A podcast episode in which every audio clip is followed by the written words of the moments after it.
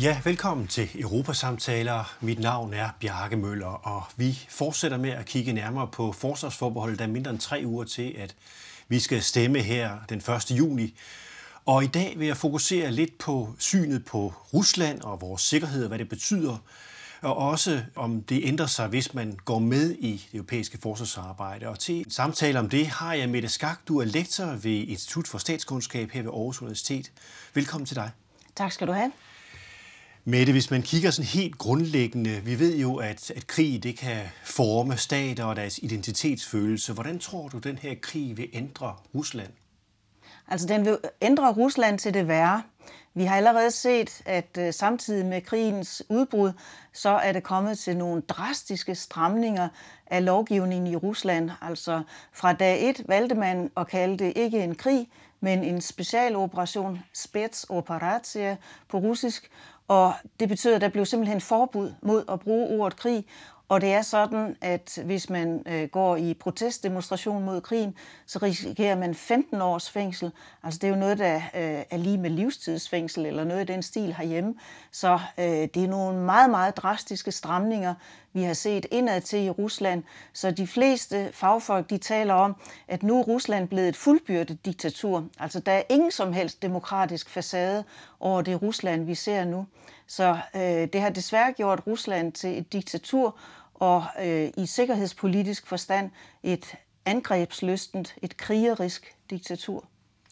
Putin sagde i sin 9. maj-tale, at, at Rusland var blevet angrebet, og de forsvarer sig selv. Øh, men det er jo en invasionskrig i Ukraine. Ja. Hvordan påvirker det øh, Putins styrke i magthierarkiet? Hvordan tror du, hans stilling er i de kommende år?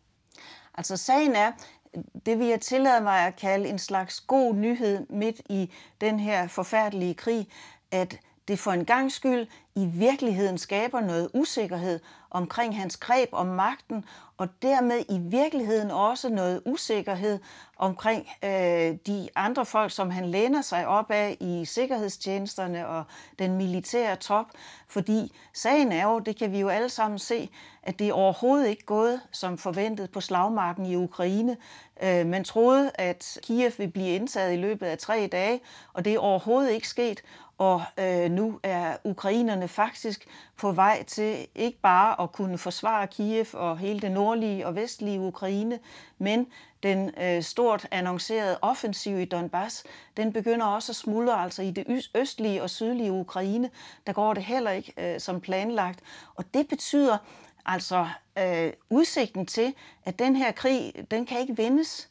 Det er altså et stort problem for Putin på hjemmebane. Det er et problem for hele magteliten i Rusland. Og vi kan altså også se, at øh, der begynder at være uro i gelederne, vrede og frustration, også fordi Putin gør det, at øh, så finder han nogle søndebukke, og det skaber sådan set, det, om noget forstærker nok frustrationen og, og vreden. Så i virkeligheden har den her krig, vil jeg vurdere, i højere grad løsnet hans greb om magten, end hvad han ellers har foretaget sig i samme stil. Krigen i Syrien, den vil jeg sige, den styrkede nok øh, dybest set hans greb om magten. På samme måde i særdeleshed, da han annekterede Krim. Øh, det var en vindersag, ved vi, i den russiske befolkning. Det her, det er faktisk noget andet.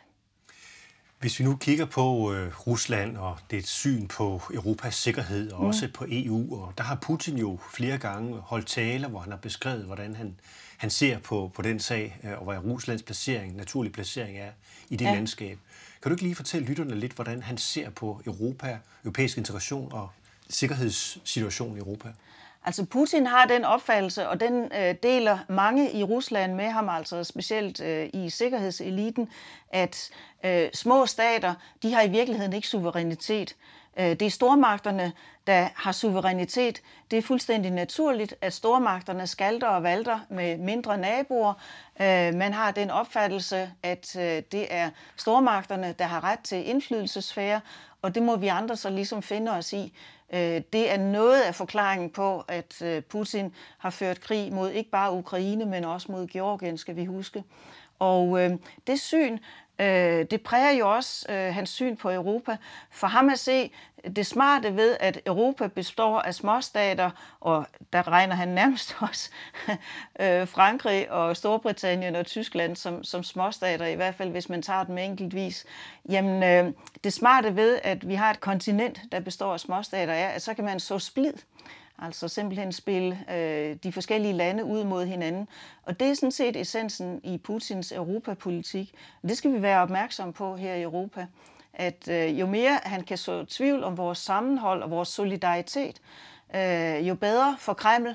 Og omvendt så betyder det jo, at det vi skal værne om og aktivt opdyrke, ikke mindst øh, som den notoriske småstat Danmark er, det er mest mulig europæisk solidaritet, mest mulig sammenhold og fællesskab, altså i særdeleshed i sikkerhedspolitisk øh, henseende.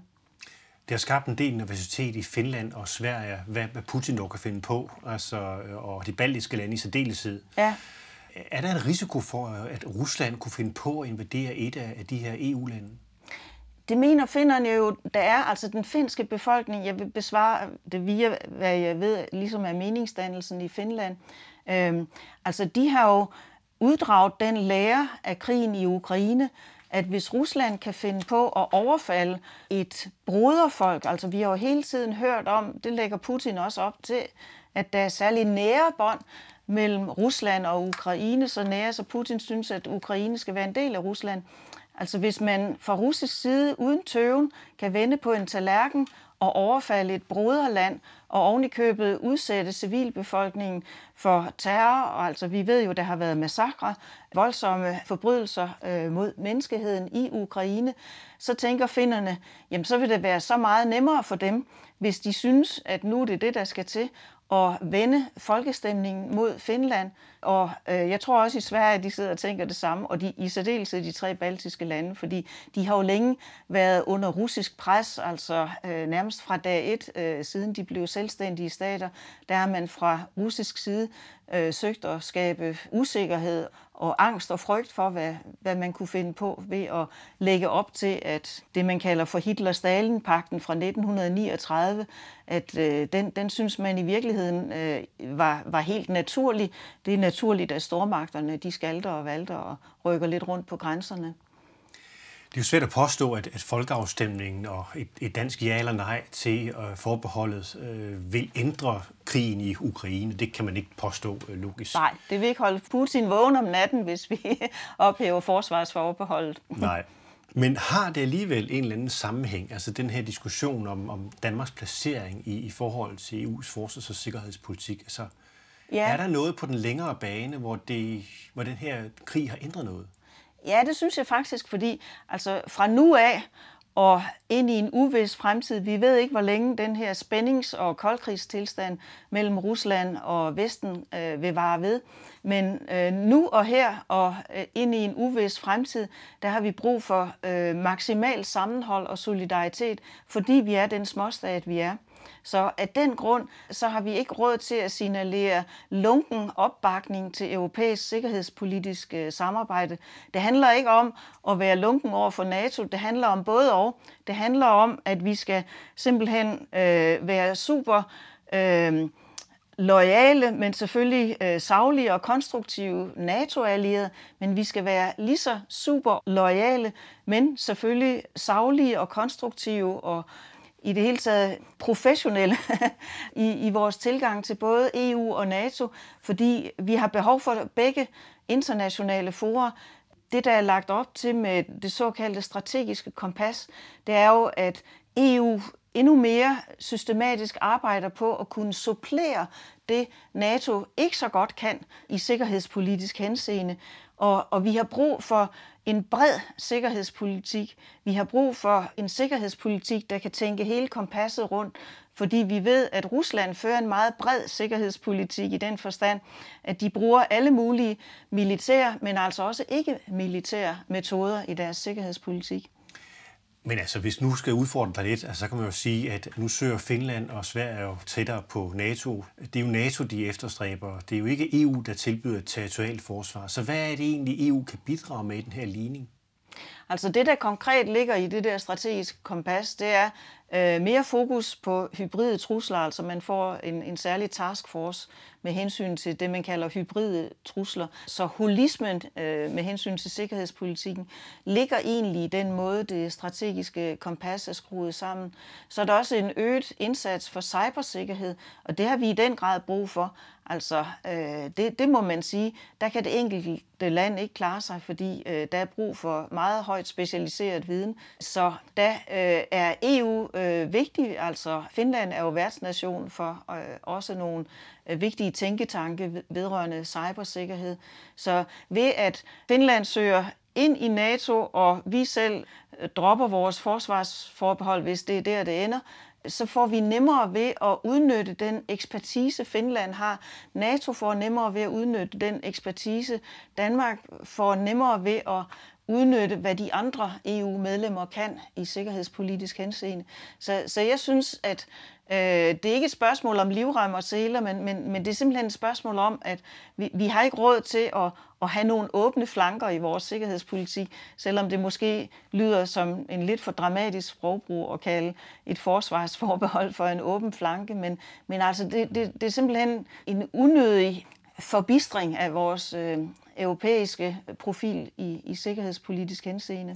Det skal vi lige dykke lidt dybere ned i om et øjeblik, men lige for at holde fast i, i Finland og, og Sverige, altså de er jo medlemmer af EU's forsvarssamarbejde i dag, ja. øh, og også det permanent strukturerede samarbejde. Så de er jo med der, men vi har jo også et nordisk forsvarssamarbejde. Kan et øh, dansk øh, forbehold, altså fortsat forbehold, påvirke det samarbejdsmønster, der er i Norden? Den norske og den svenske og den finske reaktion på øh, dengang i forbindelse med Irakkrigen, hvor vi gik øh, fuldt og helt ind på USA's side i Irakkrigen, at det skabte undren i Norden. Så der har været den holdning til Danmark, at vi er øh, meget mere USA-orienteret, end vi egentlig havde behøvet at være, og dermed så har de i højere grad brugt den mellemliggende tid til indbyrdes at finde sammen. Altså NATO-land, Norge, det neutrale Sverige og Finland, de har i højere grad sådan indbyrdes øget deres øh, koordinering af sikkerhedspolitiske tiltag, og i nogen grad kørt lidt udenom Danmark. Det har så hjulpet her på det seneste, og, og ikke mindst i forbindelse med Ruslands opmarsch langs grænsen til Ukraine og så den fuldbyrdede angrebskrig den 24. februar, så er der anderledes øh, fodslag mellem de nordiske lande. Men man kan sige, at forsvarsforbeholdet er en lille selskabt knast, som øh, måske hører det en anden tid til, for nu at bruge en forslidt frase fra den offentlige debat. Danmark er jo med i dele af de forsvarspolitiske samarbejdsmønstre, der er i Europa, og det er ikke kun NATO, vi er også med i den interventionsstyrke, som Macron har opbygget sammen med blandt andet Storbritannien og flere mm. andre lande, som kan rykke hurtigt ud. Men har også øh, besluttet sig fra dansk side, på trods af vores forsvarsforbehold, at deltage i et samarbejde blandt andet med Polen og Tyskland, mm. en kommando, som også har øh, et, et hovedkvarter i Stettin. Så vi er jo med i forskellige samarbejdsmønstre, på trods af, at vi har et forsvarsforbehold. Øh, Øh, vi har også kunne deltage i, i, i forskellige øh, operationer rundt omkring. Det er dog kun de civile, vi ikke kunne deltage i de militære. Så vi er delvis med og delvis udenfor de samarbejdsmønstre, der er her. Er det noget, som vi kan altså, fortsætte med? Altså, hvis vi opretholder forsvarsforbehold, så er der ingen tvivl om, at de danske diplomater, fordi de er meget dygtige, øh, EU-diplomaterne, de vil gøre alle mulige byråkratiske krumspring for at sørge for, at vi er mest muligt med, hvor det kan lade sig gøre, hvor man ser en dansk interesse i at være med. Og der kan man sige, der har dansk sikkerhedspolitik øh, været meget øh, kreativ. Jeg vil næsten tillade mig at sige at, at lave lidt kreativ bogføring omkring forsvarsforbeholdet. Men jeg vil sige, at Altså i en situation, hvor Rusland har vist sig at være så farlig, en stormagt, som den rent faktisk øh, er, og også det mønster, vi ser med, at man kompenserer manglen på militær slagkraft med grusomheder mod civile, det gør, at vi skal godt nok lige passe på med ikke at signalere, at vi kunne finde på at smyge os udenom et eller andet. Fordi hvis vi en dag får brug for, at alle står last og bræst om os i forbindelse med, ja, hvad kunne man forestille sig, at Rusland rykker frem på Bornholm, så skal vi passe på, at der ikke er nogen, der bruger forsvarsforbehold som undskyldning for ikke at hjælpe os mest muligt øh, med det, vi har brug for. Så jeg synes, man skal ikke gå for meget ind i teknikaliteter omkring forsvarsforbehold. Det er mere den symbol- og signalpolitik, som Danmark kommer til at sende ud i den europæiske offentlighed og, og vores egen selvforståelse. Jeg, jeg tror simpelthen, vi bliver nødt til at indse, at vi er nødt til at rykke på vores selvforståelse. Og der vil jeg tillade mig at læne mig lidt op af professor Sten Ryning fra Odense Universitet, der sidste år, i forbindelse med at russerne lavede sådan en generalprøve på den her militære opmarsch langs den øh, russiske grænse til Ukraine. Der lavede han et debatindlæg i Altinget den 14. april med overskriften EU skal vende sig til afskrækkelsen som politisk våben, og pointen i artiklen er, eller debatindlægget, det er, at det er afskrækkelse af Rusland. Og afskrækkelse af Rusland, det handler om, at europæerne står last og bræst. Altså netop fordi vi er et kontinent af småstater, Danmark er en småstat om noget, samtidig en frontlinjestat i Østersøen, vi har i den grad behov for maksimal solidaritet.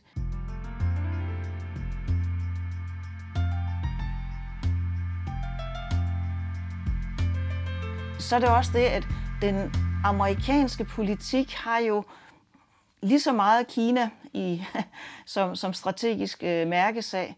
Så hen ad vejen, så vil USA frigøre sig fra det her engagement i europæisk sikkerhed. Det må vi simpelthen være klar over. Så forsvarsforbehold, det lever på meget, meget lånt tid, vil jeg sige. I 92, da vi stemte nej til Maastricht-traktaten, og det førte så senere til de fire forbehold i 93 ved folkeafstemningen der, der skabte rystelser rundt omkring Europa. Så altså, det var en kæmpe opmærksomhed omkring lille Danmark, der ligesom mm. havde sat foden ind. Og der var også mange, der følte, at, at i Danmark en vis stolthed over, at vi ligesom kunne stoppe et unionstog og sådan nogle ting. Og der var en frygt for en EU her dengang. Det skulle blive til virkelighed og sådan nogle ting. Man taler om Vestunionen osv. osv. Tror du, at vi ved for eksempel at sige nej til at afskaffe forsvarsforbeholdet, kan genskabe rystelser ude i Europa? Nej, det er mere et indre dansk anlæggende, men det vil blive noteret i den internationale presse, det, inklusive den russiske presse, og det vil blive set som et signal om, at øh, der er noget at arbejde på, hvis man vil skabe splid i Europa. Det tror jeg vil være den russiske konklusion.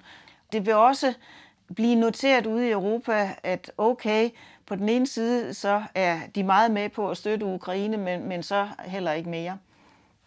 Nu nævnte du så USA og usikkerhed omkring USA, og hvad er det for en usikkerhed, du henviser til her? Altså, USA er jo stået last og bræst med Europa. Vi har set et meget, meget tæt samarbejde mellem Europakommissionen, EU og de store EU-lande, og så øh, Biden-administrationen i USA. Så de er jo virkelig stået sammen i, i den her øh, svære tid. Hvad tror du øh, er udsigterne for, for det transatlantiske samarbejde, og herunder også USA's lederskab i NATO-alliancen? Altså, Biden har jo vist sig virkelig at træde i karakter som en atlantist. Han selv og, og hele hans team, de har jo arbejdet i døgndrift siden efteråret 2021 på at øh, hjælpe europæerne med at holde Rusland stangen, og konkret og nok så mærkbart at hjælpe ukrainerne med på slagmarken og holde Rusland øh, stangen. Men vi ved også, at med hensyn til Biden, der risikerer vi at leve på lånt tid, fordi der kunne komme en ny Trump, eller en, der er endnu mere intelligent og udspekuleret øh, end Trump, men endnu mere destruktiv i øh, sin sikkerhedspolitik.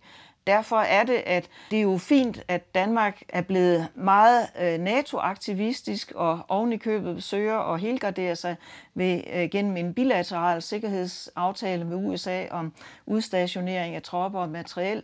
Det tror jeg er vældig klogt. Men vi risikerer altså, at øh, konjunkturerne vender i USA. Det er en meget, meget oplagt trussel, vil jeg sige. Derfor er det, at der nu øh, nok mere end nogensinde før er behov for, at vi bliver holistiske med hensyn til vores deltagelse i den øh, rent europæiske sikkerhedspolitik. Er der en forventning fra amerikanerne om, at, at EU-landene skal løfte mere altså af vores egen sikkerhedspolitik og også territoriale forsvar? Ja, det var helt sikkert. Altså lige hvad det angår, der er der øh, faktisk ingen forskel mellem en Trump og, og så en Biden. Altså øh, så europæerne skal... det, det er mere Trumps populisme, altså at øh, han jo i virkeligheden allierede sig temmelig meget med Putin, så Trump er klar til at undergrave demokratiet og retsstaten, og EU, det er omvendt en bastion for retsstaten og demokratiet og opsynet med de store tech-giganter osv. osv. Så EU øh, står simpelthen for noget andet end et øh, populistisk USA under Trump. Hvis vi nu kigger ind i det, om EU kan varetage forsvaret af Europa, så at sige, og de værdier og den bastion, som du nu taler om her, Altså, så er der jo en, en lidt uklarhed i debatten, kan man sige, fordi man kan høre ja siger, der siger, at der er jo ikke nogen EU her, der er på vej. Øh, men omvendt, så er der jo også ansynning af, at, at hvis nu Trump kommer tilbage til magten i USA, så skal vi også kunne klare os selv. Mm. Men hvis ikke man har en EU her, hvordan skal man så kunne klare sig selv i forhold til det Rusland og den Putin, du lige har beskrevet før med så stor klarhed? Jamen på kort sigt, så kan vi sørge heller ikke klare os selv.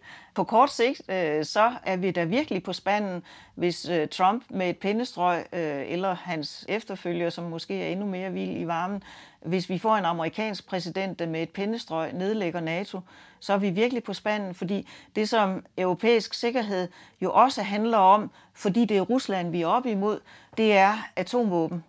Okay, Frankrig og Storbritannien har hver et betragteligt antal atomvåben, men når vi taler om USA, så taler vi om, er det over 500.000 atomare sprænghoveder. Så kun USA er i klasse med Rusland, hvad angår besiddelse af atomvåben. Og, og den der atomar afskrækkelse, den, den er sørme alfa og omega, ved vi, fordi russerne godt kan lide at, at gøre os bange og, og spille på, at de kunne godt finde på at, at bruge atomvåben.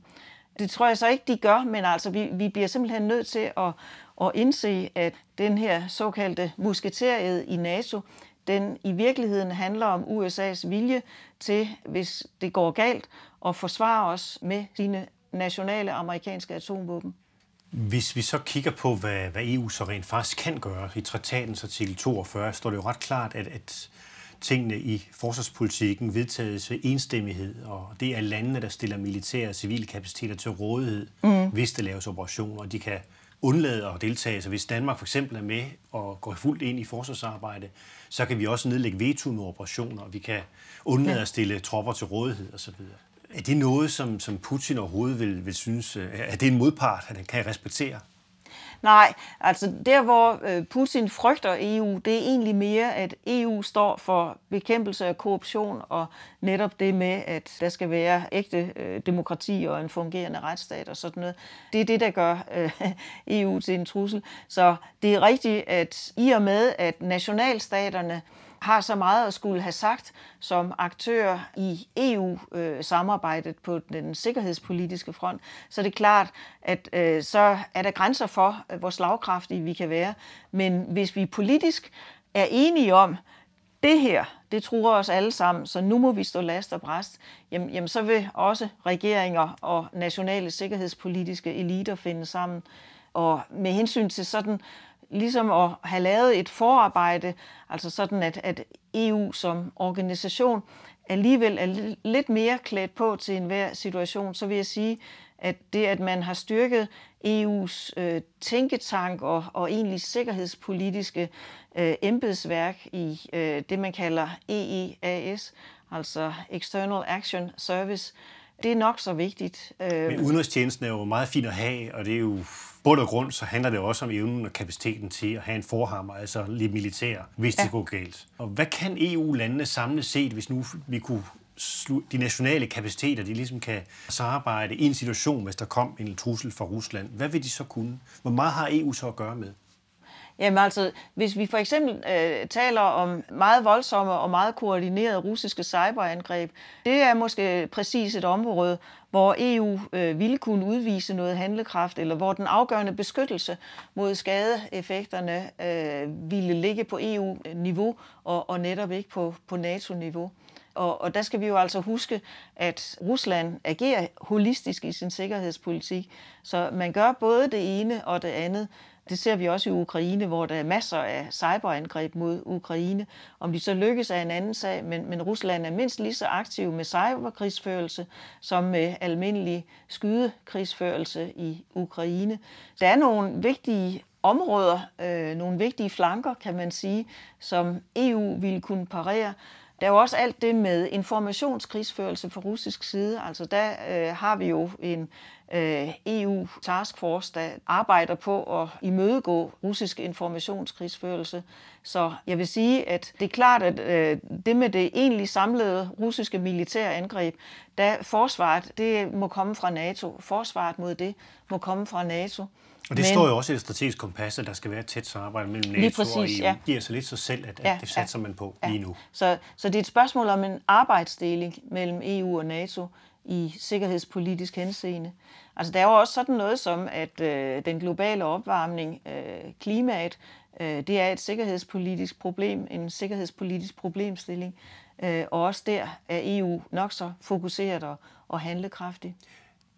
Der er jo diskussioner om, hvad så EU kan gøre altså ved siden af NATO. Hvad er det for nogle operationer, man kan gå ind i? Man har haft en, en række øh, fredsskabende og fredsbevarende operationer rundt omkring i verden. For Bosnien og også sidenhen i, i Centralafrika har vi set nogle forskellige operationer og sådan ting. Hvis vi nu kigger frem i en situation, hvor Ukrainekrigen bliver afsluttet, og vi har en ny situation, mm. der skal være måske fredsbevarende tropper og sådan ting. Kunne man forestille sig, at FN vil kunne rykke ind der, eller vil det være EU eller andre, der skal rykke ind og, og støtte ukrainerne?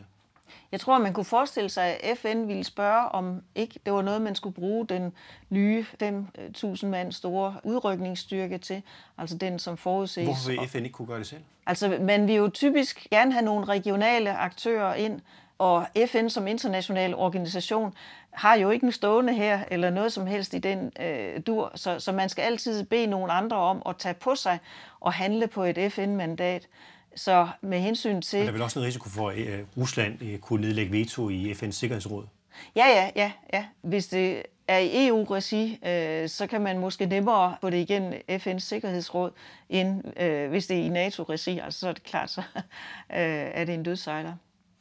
Hvad så, hvis nu for eksempel er udbrudt krig igen øh, i Bosnien, øh, måske Albanien og andre, der kommer en konflikt, øh, Kosovo, mm. et eller andet, der, der mm. pludselig bliver igen, i situationen i Bosnien har været skabt en del bekymring på det seneste. Hvem skulle så kunne rykke ind der? Er det ved USA og NATO, der ligesom vil komme til undsætning, eller hvem skulle gøre det? Altså mønstret fra 1990'erne var jo, at når det var nogle øh, decideret skarpe missioner, som man siger, at øh, så sendte man styrker ind, øh, som opererede i, i NATO-regi. Altså så var det ligesom NATO, der øh, styrede og iværksatte øh, udstationeringen af fredskabende styrker. Men EU spillede jo en vigtig rolle.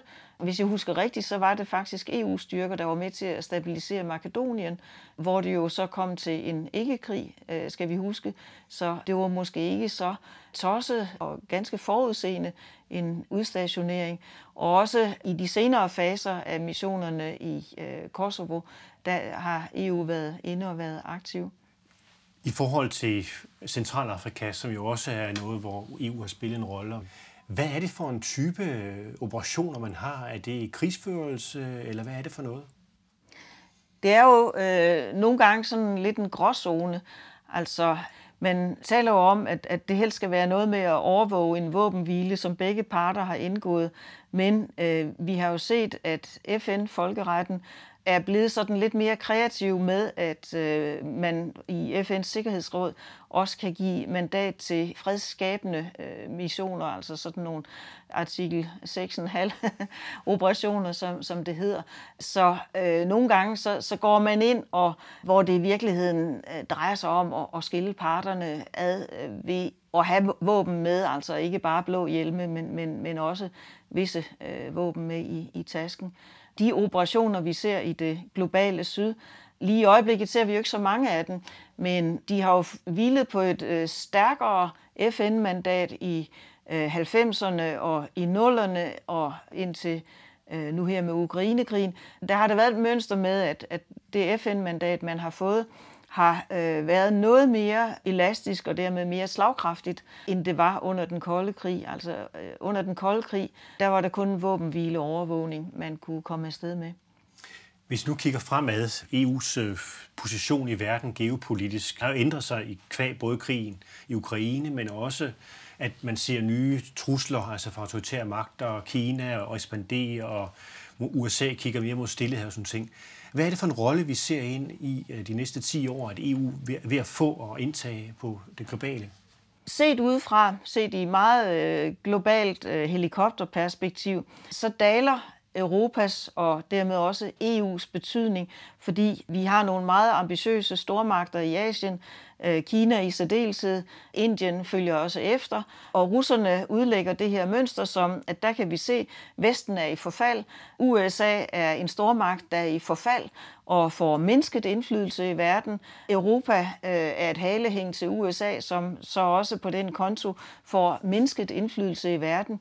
Men det interessante er i lyset af Ukrainekrigen med det pludselige og meget slagkraftige sammenhold, der er skabt tværs over Atlanten, at øh, det er nok for hurtigt, at Kina og Rusland og Indien er begyndt at afskrive Vesten og dermed Europa og dermed i sidste instans EU, altså sanktionsregimet, de meget slagkraftige og i hvert fald hidtil uset stærke og radikale sanktioner, der er blevet vedtaget og iværksat og koordineret mellem Europa og USA mod Rusland, det har været et kraftigt signal til øh, for eksempel Kina om, at helt så tandløs er Vesten ikke. Når Vesten beslutter sig for, det her, det går ikke, der er vi simpelthen nødt til at sætte foden ned, så har Vesten på grund af den mere subtile natur, altså vores magt er mere subtil, øh, det handler ikke så meget om krudt og kugler, det handler mere om at arbejde med normer og retningslinjer og bestemmelser og så videre.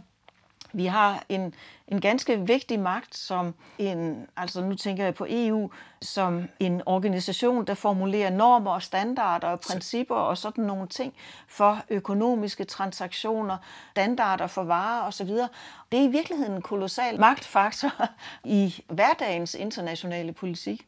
På den lange bane, nu kigger de her 10-15 år frem, uden en stærkere militær dimension, altså er der så noget at have det i?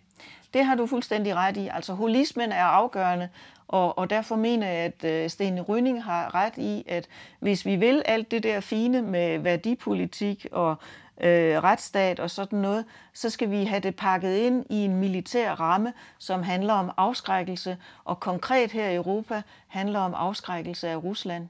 Det er desværre den sikkerhedspolitiske virkelighed nu og fremover.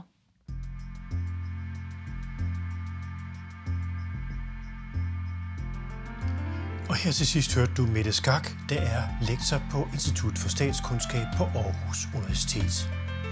Dette er den fjerde udsendelse af Europasamtaler om forsvarsforbeholdet. Mit navn er Bjarke Møller, og jeg er journalist og forfatter blandt andet til bogen Håbes Politik. Sådan overvinder Europa kriserne og bliver en grøn supermagt. Denne serie om forsvarsforbeholdet er støttet af Europanævnet. Musikken, du hørte i udsendelsen, er komponeret af Christian Møller Munar.